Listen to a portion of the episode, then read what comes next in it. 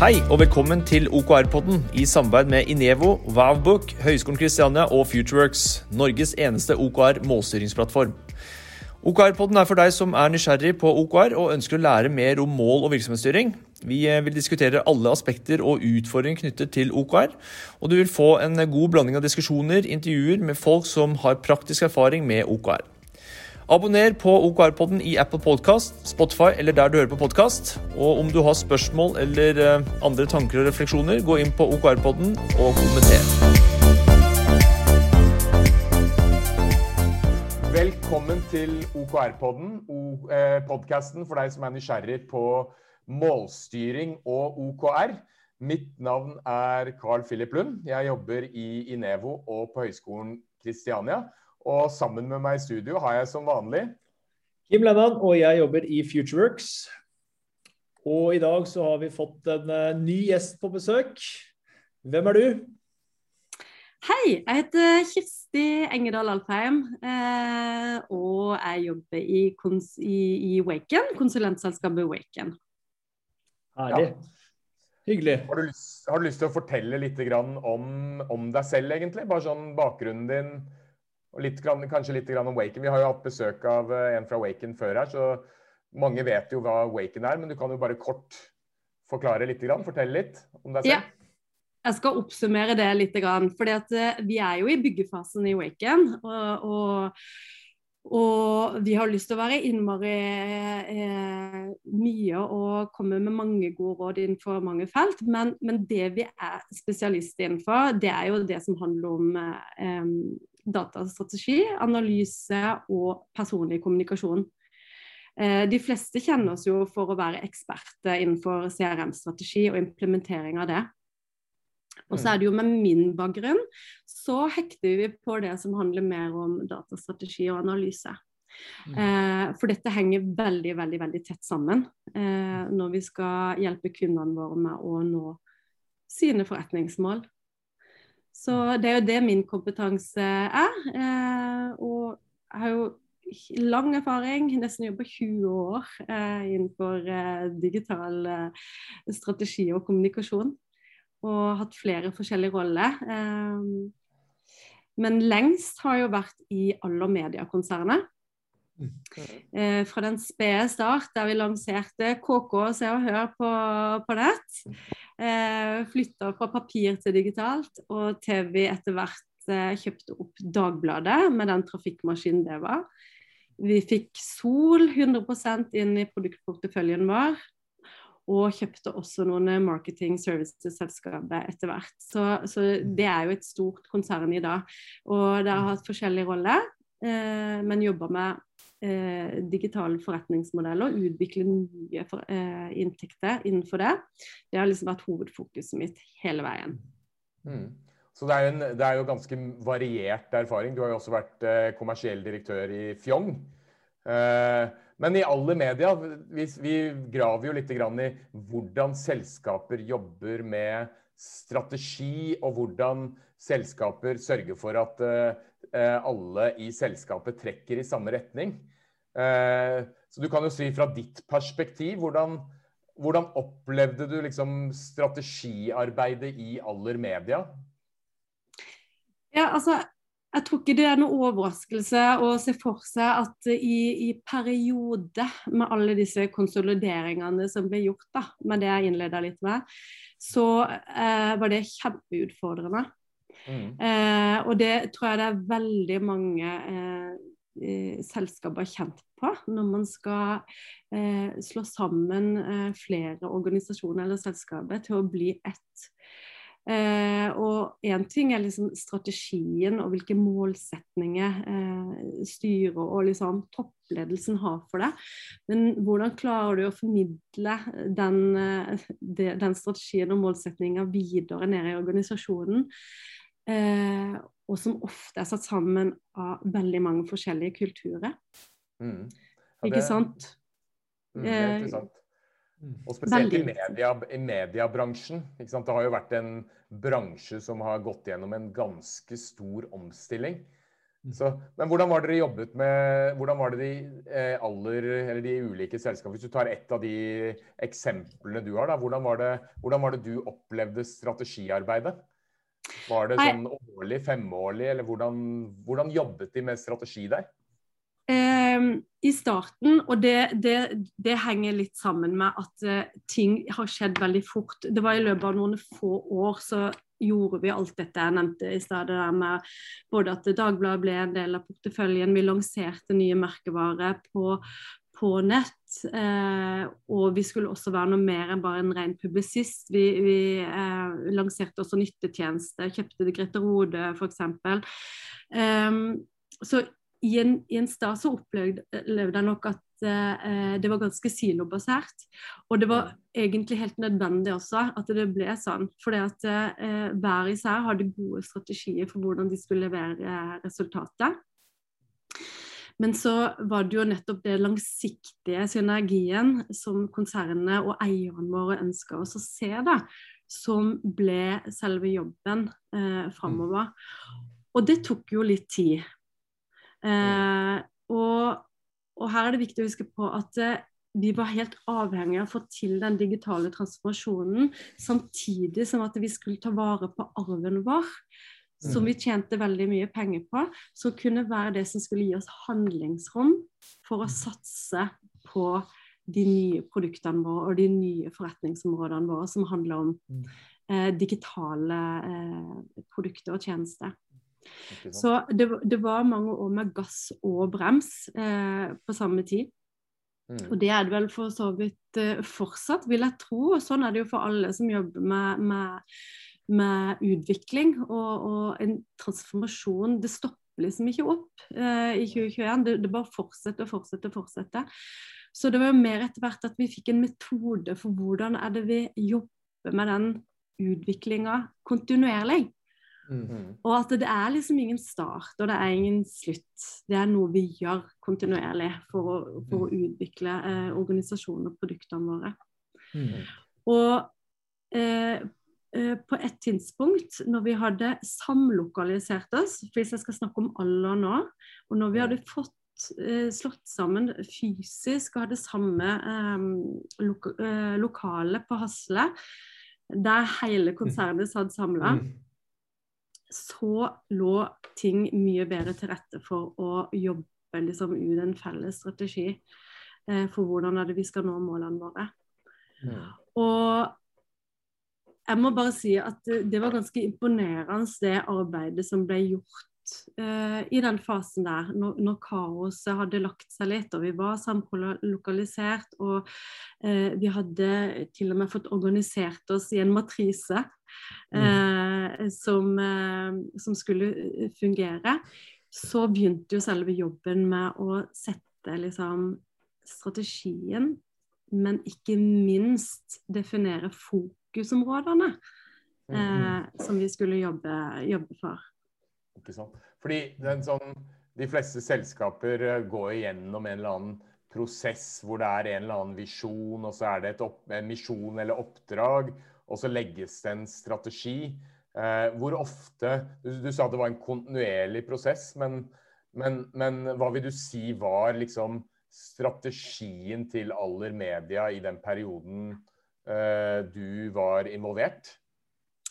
Altså jeg tenker eh, det, det, viktigste å, å liksom eh, fortelle, det er det at hovedstrategien for konsernet, mm. den var fast eh, mm. hele tida. Mm. Eh, det var mer de, de, strategiske fokusområdene, som vi kalte det der, som mm. kanskje kunne endre seg i forhold til hva det vi skal prioritere nå. For du kan tenke deg et eh, konsern som består både av store publisistiske merkevarer Mm. Eh, med, eh, med, en forretningsmodell der. Og så har du nyttetjeneste eh, og det området på den andre sida. Og så har du i tillegg masse marketing services-selskaper eh, som har en egen forretningsmodell. Så er det klart Noen av disse vil jo endre seg litt, men den langsiktige målsettinga var tydelig og klar hele veien. Mm. Mm. Men fokusområdene og hvilke resultater vi skulle nå innenfor de fokusområdene, eh, de endra seg. Hva, hva, hva, var den langsiktige strategien, da? Nei, det var at vi skulle, vi skulle fortsette å være liksom eh, Å være en publisistisk eh, eh, altså jobbe innenfor publishing, skape mm. innhold og distribuere det. Så mm. eh, Innenfor å være et nyhetsmedie der vi skulle både eh, dekke liksom bredden innenfor nyhet med Dagbladet, og der vi også skulle ha nisje. Eh, nisjeinnhold. Sånn som Din Side eller KK, Vi over 60 og, og disse her. Og, og, så var det jo det med, med, med services. Eh, det som liksom Grete Rode og Lommelegen, eh, som mm. ikke er liksom sånn tradisjonell publishing. Og så eh, hadde vi jo det med Marketing Services som jeg var innom. Det med, med Hypereddink og, og Nova Vista mm. og, og disse tjenestene. Mm. Så, hvordan, så den, ja. Ja, hvordan jobbet dere med sant, Strategien var klar. Hvordan, du også nevnte at dere jobbet med prioriteringer. Hvordan, hvordan jobbet dere med prioriteringer i praksis? Eh, det som eh, ble gjort da, det var at vi eh, valgte ut eh, om det var fem eller syv, jeg husker ikke helt for å være ærlig. Nå er det et par år siden jeg, jeg, jeg jobba der. Men, men vi, vi, valgte jo eh, fem eller syv. Som sagt, hovedområdet som vi skulle jobbe ha ekstra fokus på. Mm. Eh, Blant annet det med data. ikke sant? Dere kjenner jo godt til eh, eh, kampen om verdikjeden og behov og viktigheten av eierskap til egne data og egne mm. kundedata. Mm. Ikke sant? Tidligere så har vi kjøpt, og store annonsører har kjøpt data via Google-plattform og Facebook, og noen gjør det jo til dels fortsatt. Mm. Men det å ha eierskap til egne data og forstå verdien av å ha kontroll på det, det ble mm. kjempeviktig for oss. Mm. Eh, så hvordan vi skulle bruke den innsikten og, og, eh, om eh, og det å få kontroll på dataene våre for å bruke det i produktutviklinga vår. Mm. Ikke bare på egne nettsteder og, og nyttetjenester, men også hvordan vi kanskje kunne kommersialisere på det ut i mm. annonsemarkedet. Det mm. var ett helt strategisk fokusområde. Stort mm. i seg sjøl, det må jeg bare si. Så handler det jo om organisasjonen vår. Hvordan behandler du folk? Altså kultur, at vi, konkurransefortrinn eh, med å ha medarbeidere som trives og som er dyktige. Hvordan skal vi jobbe med ledelse? Hvordan skal vi jobbe med talentutvikling? var vi jo innom. Um, og, og hvordan eh, Vi hadde, måtte jo også ha en veldig tydelig målsetning og ha fokus på hvordan er det vi skal sikre arven vår med, med printpublikasjonene våre. Ikke sant? Mm. Hvordan skal vi forlenge det livsløpet underveis som vi bygger opp nye digitale tjenester. Dette er eksempler på det vi hadde som fokusområde. Ikke sant. Eh, hvordan, eller jeg tenker sånn det, Temaet på denne eh, podkasten er jo målstyring og OKR. Mm. Og du, når var det du liksom eh, ble gjort kjent med begrepet OKR? Um, var det, det, i alder, eller var det i Waken eller i Fjong? Nei, det var nok i, i, i alder. Mm. Uh, jeg bare visste ikke helt at det var det vi drev med når vi, når vi eh, eh, når vi jobba med det som vi kalte liksom, strategi, strategiske eh, fokusområder og mm. KPI-et, ikke sant. Mm. Eh, det, det, handler om mye av det, det samme. Det, hand, mm. ja, det gjør det. Og, og, så, og, så, ble jeg oppmerksom på OKR, fordi jeg jobba veldig tett med Google. Mm. Eh, jeg hadde jo ansvar for eh, eh, hele liksom Altså, vi hadde en sånn joint businessplan med Google der vi, vi hadde, hadde, hele annonsestekket deres, både på kjøpsida og salgssida, pluss at vi mm. hadde Analytics Advanced og det, det miljøet knytta til det. Mm. Så, og, og, da ble jeg litt kjent med, med, det begrepet. For da skjønte jeg litt at, at de hadde noen metoder internt der som gjorde Som også handler om hvordan hvordan det påvirka oss som kunder. Mm. Hvordan var det du ble gjort oppmerksom på det? Var Nei, det du det, eller var Ja, det tror jeg nok kanskje handla litt om at eh, altså, På hvilke Google-produkter hadde vi mest fokus fra Google sjøl, da? Altså, ja. eh, for, for, der tror jeg nok Jeg vet ikke om det er Det vet jeg ingenting om, for å være helt ærlig. da, og Nå er det bare sånn antakelse, men jeg vil jo ja. tro da at de, eh, at de hadde ulike forskjellige kundenivå, da, Basert mm. på hvor stor du var innenfor de forskjellige plattformene. Hvor stor kunde du var innenfor de forskjellige produktene dine. Mm. Og at du fikk fokus deretter. Ja. Eh, eh, og og da ble jeg nok litt nysgjerrig på det. Og så Pluss at eh, kontakten som jeg hadde eh, i Google, var også opptatt av det med stretch goals. Ja. Og eh, skulle overføre det til at Vi må ha noen stretch goals vi må ha noen stretch goals inn i denne forretningsplanen vår, Kjersti. Kom igjen. Ja. og, og, og du, da begynte jeg å sette ting litt sånn sammen. Det var ikke sånn vi jobber med OKR, og sånn gjør vi det, og bla, bla, bla. Nei. Og det var da jeg begynte å sette ting litt sånn i sammenheng. Og så, så, leste jeg jo 'Measure What Matters', og så skjønte jeg at ja, men det er same, same but different. Og vi jobber jo på den måten i alle. Ikke sant?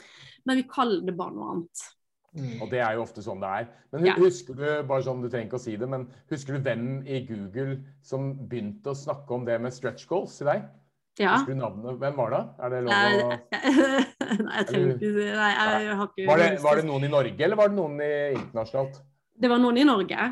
Ja, for er, jeg, synes det er veldig, jeg er veldig nysgjerrig på liksom, hvordan OK, Google er jo en kjent historie innenfor OKR.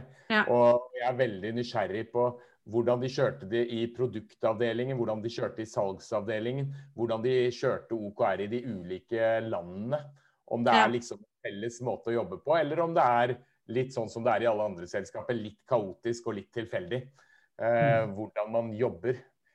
Og så tror jeg det at det handler også De som kan si noe mer om det, handler litt om hvor du er i organisasjonen. Ja. Eh, mm. for det at eh, Jeg tror det er veldig forskjell på eh, akkurat det du sier der. Eh, eh, hva det verktøyet betyr for deg. Mm. Om det er Og det, her er en fallgruve. Mm. Om, det, om, du opplever og ser på det som et rapporteringsverktøy og et sånn prestasjonstermometer. Mm. mm. Eh, eller om du bruker det eh, som det jeg mener det skal være ment som, å få ut det beste potensialet i alle medarbeidere, og at man finner en felle, altså jobber mot felles mål. Og at det gir mening når lederen din ber deg prioritere enkeltoppgaver. Mm. Vi, vi, vi snakka jo med Anette, som eh, begynte å snakke om eh, litt sånn hvordan man driver målstyring innenfor fotballverden. Ja. Og, og jeg, jeg, tror at det du sier der, er at eh, no, noen sant, Når du spiller fotball, så kan det være at noen er veldig inspirert av hvilket spillesystem de spiller, mens andre så er det bare en måte å, å spille på. Mm. Man trenger ikke å, det trenger ikke å være den Det kan være begge deler. Det kan være liksom sånn som vi jobber. Og så mm. kan det være litt sånn visjonært inspirerende. Jeg, så det er jo det som jeg syns er litt spennende med OKR òg. Vi har jo snakket med en som jobba på gulvet i Google, og han kalte, han kalte OKR bare OKR-kverna. Det var noe alle måtte igjennom. Ja. Og det var, en, det var, en, selvfølgelighet. Det var ikke noe sånn inspirerende verktøy. Men da han ble leder i et annet selskap, så skjønte han jo det, liksom, det inspirerende med det. Det å jobbe mot felles mål osv. Ja. Så, og, og, og, og, jeg mener at hvis, hvis eh, eh, det er sikkert kanskje effektfullt på noen områder å ha det som en del av kverna eller noe alle skal gjennom, men, men, jeg mener jo også virkelig det med I hvert fall hvis du skal ha, sette harde mål da, og stretch goals, som mm. mange forfekter, eh, og som jeg personlig litt usikker på i hvilken grad mm. man alltid skal, så mm. mener jeg det at da skal det være ekstremt gode eh, arenaer for å feire suksess. Mm. For det at det, ellers så blir det kverna. Da mm. blir det rapporteringsverktøy, og da blir det en måte din leder skal ta, ta temperaturen på hvordan du ligger an. Ja. Eh, og, og, hele poenget mener jeg at det skal være motiverende. Og det skal mm. være litt inspirerende å jobbe med, med, med strategi og, og, og mål, målstyring. Det skal være litt gøy. For det er jo ikke noe som er mer tilfredsstillende enn å se på noen resultater, at de flytter seg. At du altså, bidrar? Ja. At, du, at, det er suksess? Ja. Det er gøyalt. Mm. Helt enkelt, enkelt, forklart. altså Vi som kommer og har, har salgserfaring, da. Vi har jo mm. alltid mm. jobba etter eh, konkrete, kvantifiserbare mål. Mm. mm. Så og bare det å nå budsjettet den måneden, det er jo kjempegøy. Du får et, du får et kick av det. Det er det kjempebra. Men hvordan var det i, i, i Fjong, da? Eh, du kom jo inn der, og etter hvert så ble, ble, du kommersiell direktør med en gang. Hvordan var dere jobba med målstyring der? Ja, altså jeg ble ansatt som eh, eh, kommersiell direktør, og, og eh, eh virkelig liksom få eh, dette konseptet, da, som handler om å leie eh, klær. Mm. Istedenfor at du kjøper, så leier du klær. Og det er en teknologisk plattform som er eh, produsert sånn at du skal eh, kunne både sende ut klær, og så kan du returnere klær via ulike partnere. Eh, og, og, mitt ansvar var jo å, å uh, få til skaleringa av, av, denne løsninga. Eh, og når jeg kom inn, så så var det veldig mange gode eh, strategier og veldig mange dyktige mennesker som brant for dette her. ikke sant? Gründere som brenner for, eh, for produkter og løsninger, løsninger se. Eh, det som jeg tror ofte skjer når du er en startup, det er det at du har litt behov for å eh, ta tak i de ballene som triller bort til deg da, til enhver pris, eh, til enhver tid. Fordi at du er så avhengig av å måtte levere på, eh, på noen resultatmål. Mm. Eh, og eh, det som ofte skjer da, er at eh, man løper kanskje litt i forskjellige retninger. Man er ikke mm. mange nok til å, eh, til å kunne ha fokus på ett område eh, man, man, man, spriker litt i alle retninger. For at man får noen muligheter, og noen kommersielle muligheter, og ikke minst mange ideer som man tror skal være eh, eh gullkalven, da. Mm. I forhold til dette er det som skal eh, knekke koden. Og det har jeg full forståelse for, for dette, det er vanskelig. Mm. Eh, men det som vi brukte mye tid på der, det var nettopp det å og det var faktisk sjefen min, Sigrun Syvrud, og det kan anbefales hvis ikke dere har hørt mye på den, men det er en podkast som altså Masters of Scale. Mm. Eh, eh, som hadde en episode som handla om hvilke, hvilke branner du skal slukke, og hvilke du skal bare la burn out. Mm. Eh, og vi var litt der at vi skulle slukke masse branner hele tida. Mm. Eh, det kom masse uforutsette ting som, som, skjedde som gjorde at vi måtte snu om kursen til enhver tid, og vi måtte sette nøkkelressurser på nye oppgaver hele tida. Eh, til vi til slutt bare sa at vet du hva, vi må bestemme oss for hvilke eh, flammer er det vi skal slukke, slukke, når. Hvilke kan mm. ligge og ulme uten at det er krise. Mm. Og hvilke må vi ta tak i for at det ikke skal ødelegge oss uh, in the long run. Mm. For, de har, eh, for, de som ikke har, hørt om Masters of Scale, så er det Reed Hoffman, han LinkedIn-gründeren, som for et par år siden lagde et eh, kurs som heter Masters of Scale. og Han har jo erfaring fra både PayPal og LinkedIn. Og, og nå, jeg tror det var i fjor, så lanserte de en, eh, pod, en app som er et slags kurs hvor han har samlet alle de gullkornene fra alle de intervjuene han har gjort han har gjort opp gjennom tiden. Og der er det masse gull å lytte på. Ja, så helt... 'Masters of Scale' med Reed Hoffman. Helt enig, den kan jeg skrive under, under på. Og, og mm. eh, det traff oss veldig. Og, og når, når Sigrun også tipsa meg om spesielt den episoden, så ja, det er der vi er litt nå. Det er litt kaos, og vi vet ikke helt hvilke branner vi skal slukke. Mm. Og hadde vi da hatt en veldig tydelig og klar plan for hva vi skal fokusere på på kort sikt og lang sikt, så hadde det nok vært litt lettere å vite hvilke branner vi skal bare brenne, la brenne ut, og hvilke skal vi gå og slukke. Mm. Men i, i Fjong jobbet dere med eh, spesifikt med OKR, eller var det en variant av OKR, eller var det liksom eh, ambisjoner og, eller KPI-er og eh, Hvordan var dere jobbet med det der? I starten så, så, så var det mer eh, ambisjoner og det å, å, velge de strategiske delmålene og sette noen KPI-er knytta til det.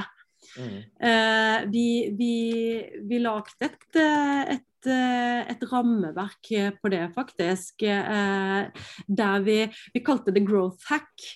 Mm. Eh, og vi, vi lagde en fantastisk sær Excel eh, med, med, hva det der skulle være. Der vi jobba med eh, egentlig så en målsetning i forhold til hva vi skulle gjøre. Og så, og så prøvde vi å bryte det ned til kopiet. Vi var ikke, helt, vi var ikke slavisk for å kalle det liksom objective key results og også KPI under der igjen. Vi, vi, eh, det var mer bare at vi satt mer, altså kalte det kanskje mer et prosjekt eller oppgave, og så definerte hva skal den oppgaven løse. Jo, den skal løse at vi må ha mer trafikk på Fjong sin nettside. Mm. Eh, jo, eh, og vi eh, eh, Og hvordan klarer vi det? Jo, vi måler det med å, å eh, jobbe mer fokusert på hvordan eh, de ulike kanalene våre, digitale kanalene våre fører til den trafikken. Mm. altså daglig besøk på nettsida, tida de bruker på nettsida, hvor mange følger vi fikk på Instagram treff på Google-søk osv. Så, videre. så da var vi helt nede på å sette tall på det. Og som vi fulgte opp i Google Analytics. Kjørte dere noe, hadde dere noe sånn derre I mange selskaper så har man jo strategiprosesser, og så, og så har man noen eh, Noen stikker jo ut på en helgetur og har noe strategi. Andre, andre snakker mer om en flytende strategisk eh, arbeid. Hvordan var det dere jobbet med det i, i Fjong?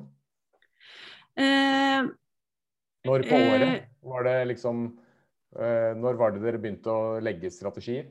Nei, vi begynte, vi begynte, med det altså Jeg starta jo, jeg starta jo i, i, januar, og da begynte vi eh, å ha mye mer altså fokus på det, å få satt dette her mer i, i systemet. da.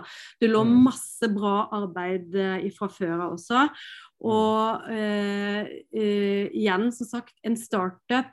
Eh, er nok eh, der må man ofte kanskje akseptere at det er litt av begge deler. da. At det, mm. Både at man tenker de litt sånn lange linjene i forhold til, i forhold til det mer visjonære. da, I forhold til hva er det vi ønsker å bidra med eh, til syvende og sist.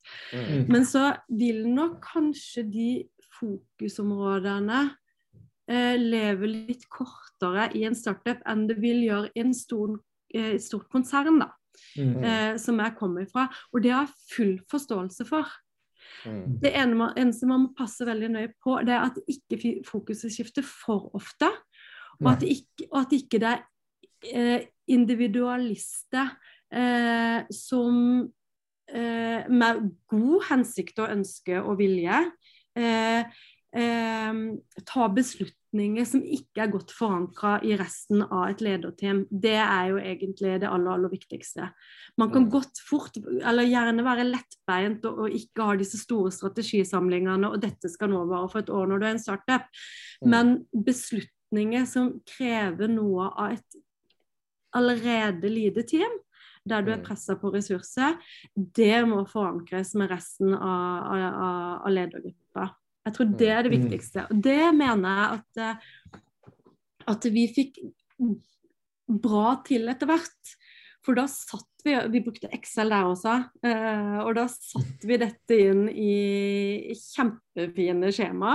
Som det var bare én som klarte å oppdatere, eller så ødela vi alle formler og alt som var. Så det var jo en utfordring, det, da. Men, men, men vi fulgte iallfall det på hver ledermøte. Og, og vi gikk igjennom det vi hadde blitt enige om at vi skulle ha fokus på, på neste uke. Mm. Og neste uke. Ja.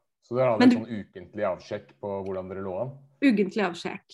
Mm. mm. Og i, i alder så eh, Måten vi hadde avsjekk der på, det var at vi i alle møter som vi hadde med avdeling, alltid fra hvis det var et husmøte til at det var nede på avdeling, så begynte i hvert fall jeg, og så er det sikkert litt forskjell fra leder til leder, men jeg begynte alltid med å ta opp eh, disse fokusområdene våre.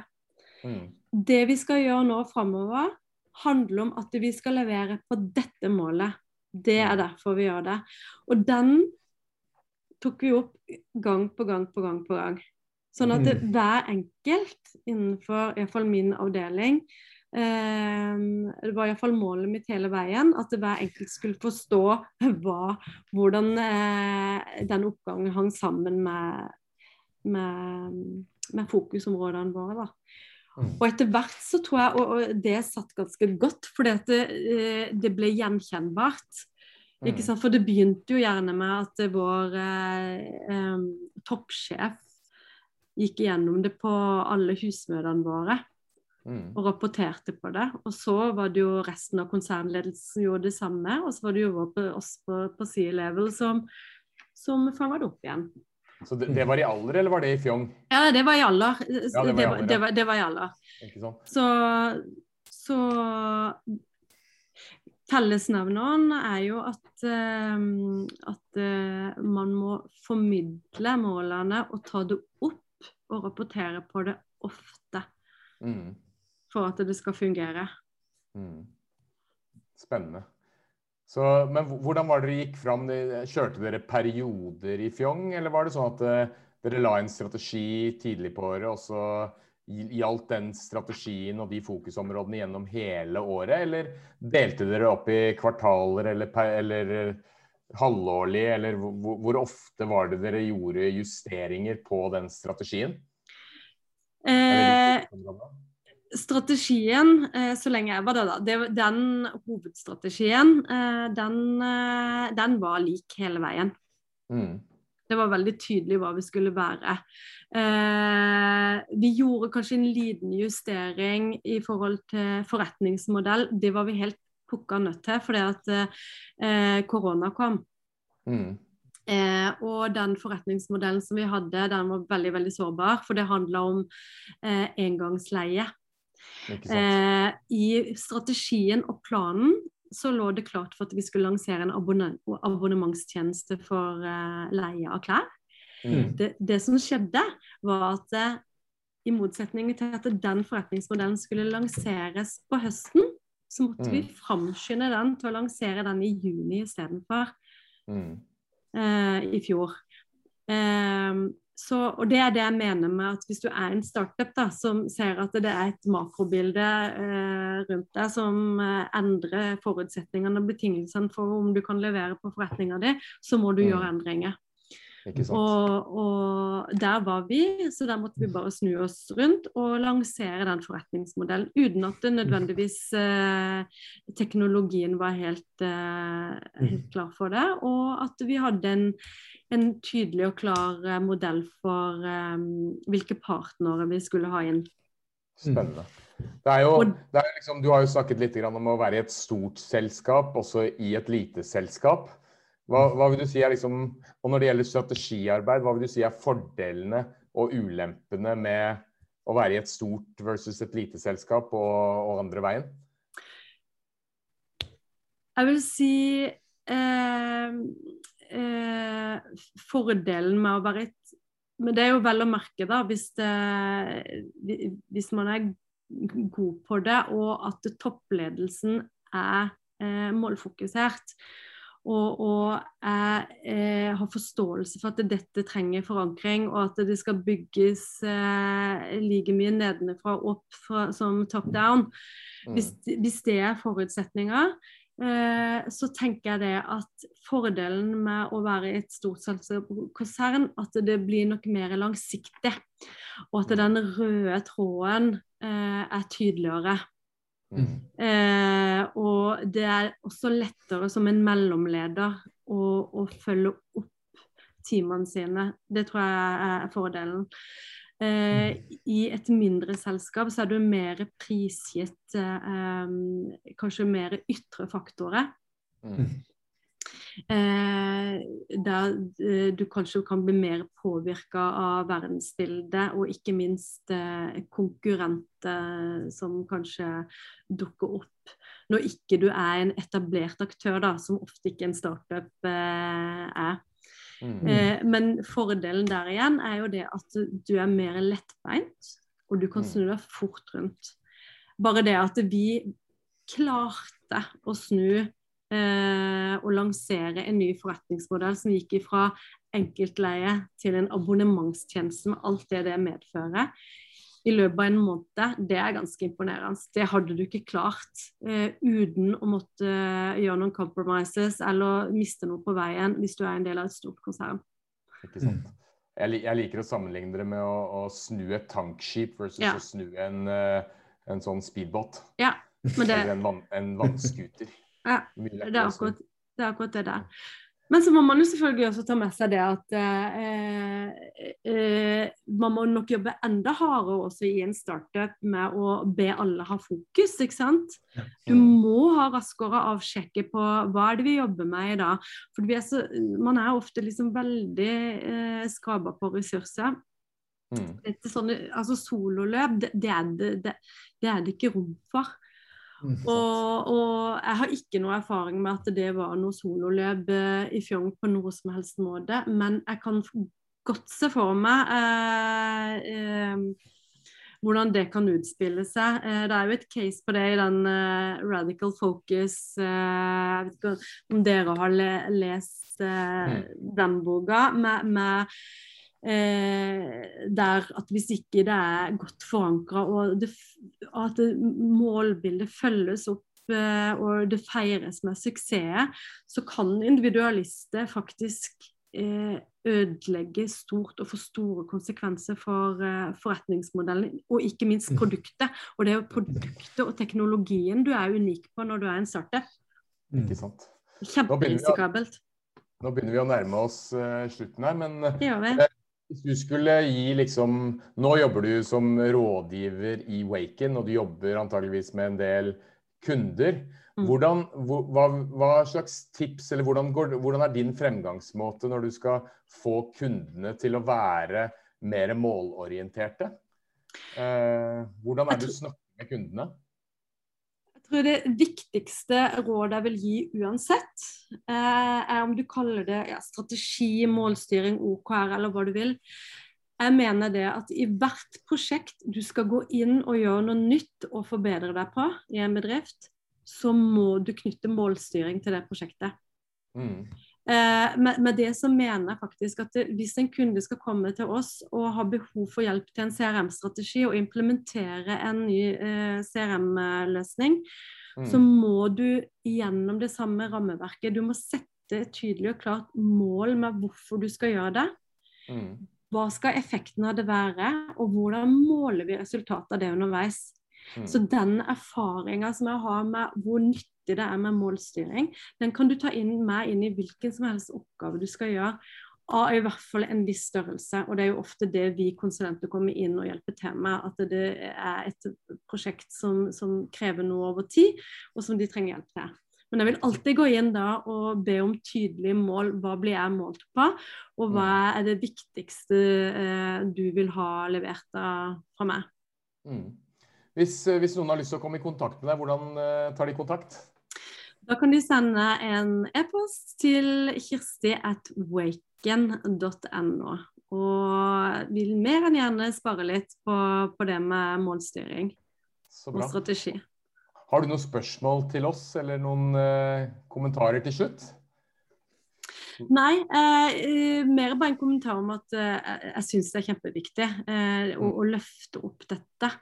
Og jeg tror mange, mange, gjør det nok til en viss grad, men det å få det som et rammeverk, mm. og forstå hvorfor man gjør det, det å fokusere på de riktige og viktige oppgavene, at det er mm. fokus på det, det, det er kjempeviktig. Og at ikke det er styrt av individuelle eh, behov og mål og ressurser og kompetanse, men at det faktisk skal levere på et forretningsmål. Det er Spennende. viktig. Mm. Kim, da kan jo du egentlig gjøre som du pleier å gjøre. Kan ikke du ta en liten oppsummering? Og litt ja, sånn satt, ja? Jeg satt og funderte litt på hva oppsummering skal være, men eh, det som jeg kan eh, plukke ut fra det som Kirsti har delt med oss i dag, det er at uansett størrelse på selskapet, det å ha en tydelig strategi, det å ha en tydelig pekepinn på hvor vi skal hen, og at du kan bruke målstyring for å komme deg fram til den strategien, tror jeg er et viktig element. Og OKR er jo et eh, sånn type verktøy. Men igjen, kjært barn, mange navn. Enten det heter ambisjon, intensjon, hovedmål, nøkkelmål eller nøkke, nøkkelresultater. Eh, så lenge det er deres, og dere eier det, så tror jeg det er det viktigste for å komme seg fram til, eh, til målet til syvende og sist. Mm. Ja, men da er det bare å si tusen takk for i dag, og så eh, ses vi kanskje ved en annen anledning. Tusen takk for at jeg fikk komme. Ja. Veldig ha det bra. bra. Ha det bra, Kirsti. Ha det. OKR-podden er gjort mulig av Inevo, Vavbook og Futureworks, Norges eneste OKR-plattform som hjelper deg med å sette fart på innovasjon, utvikling og vekst.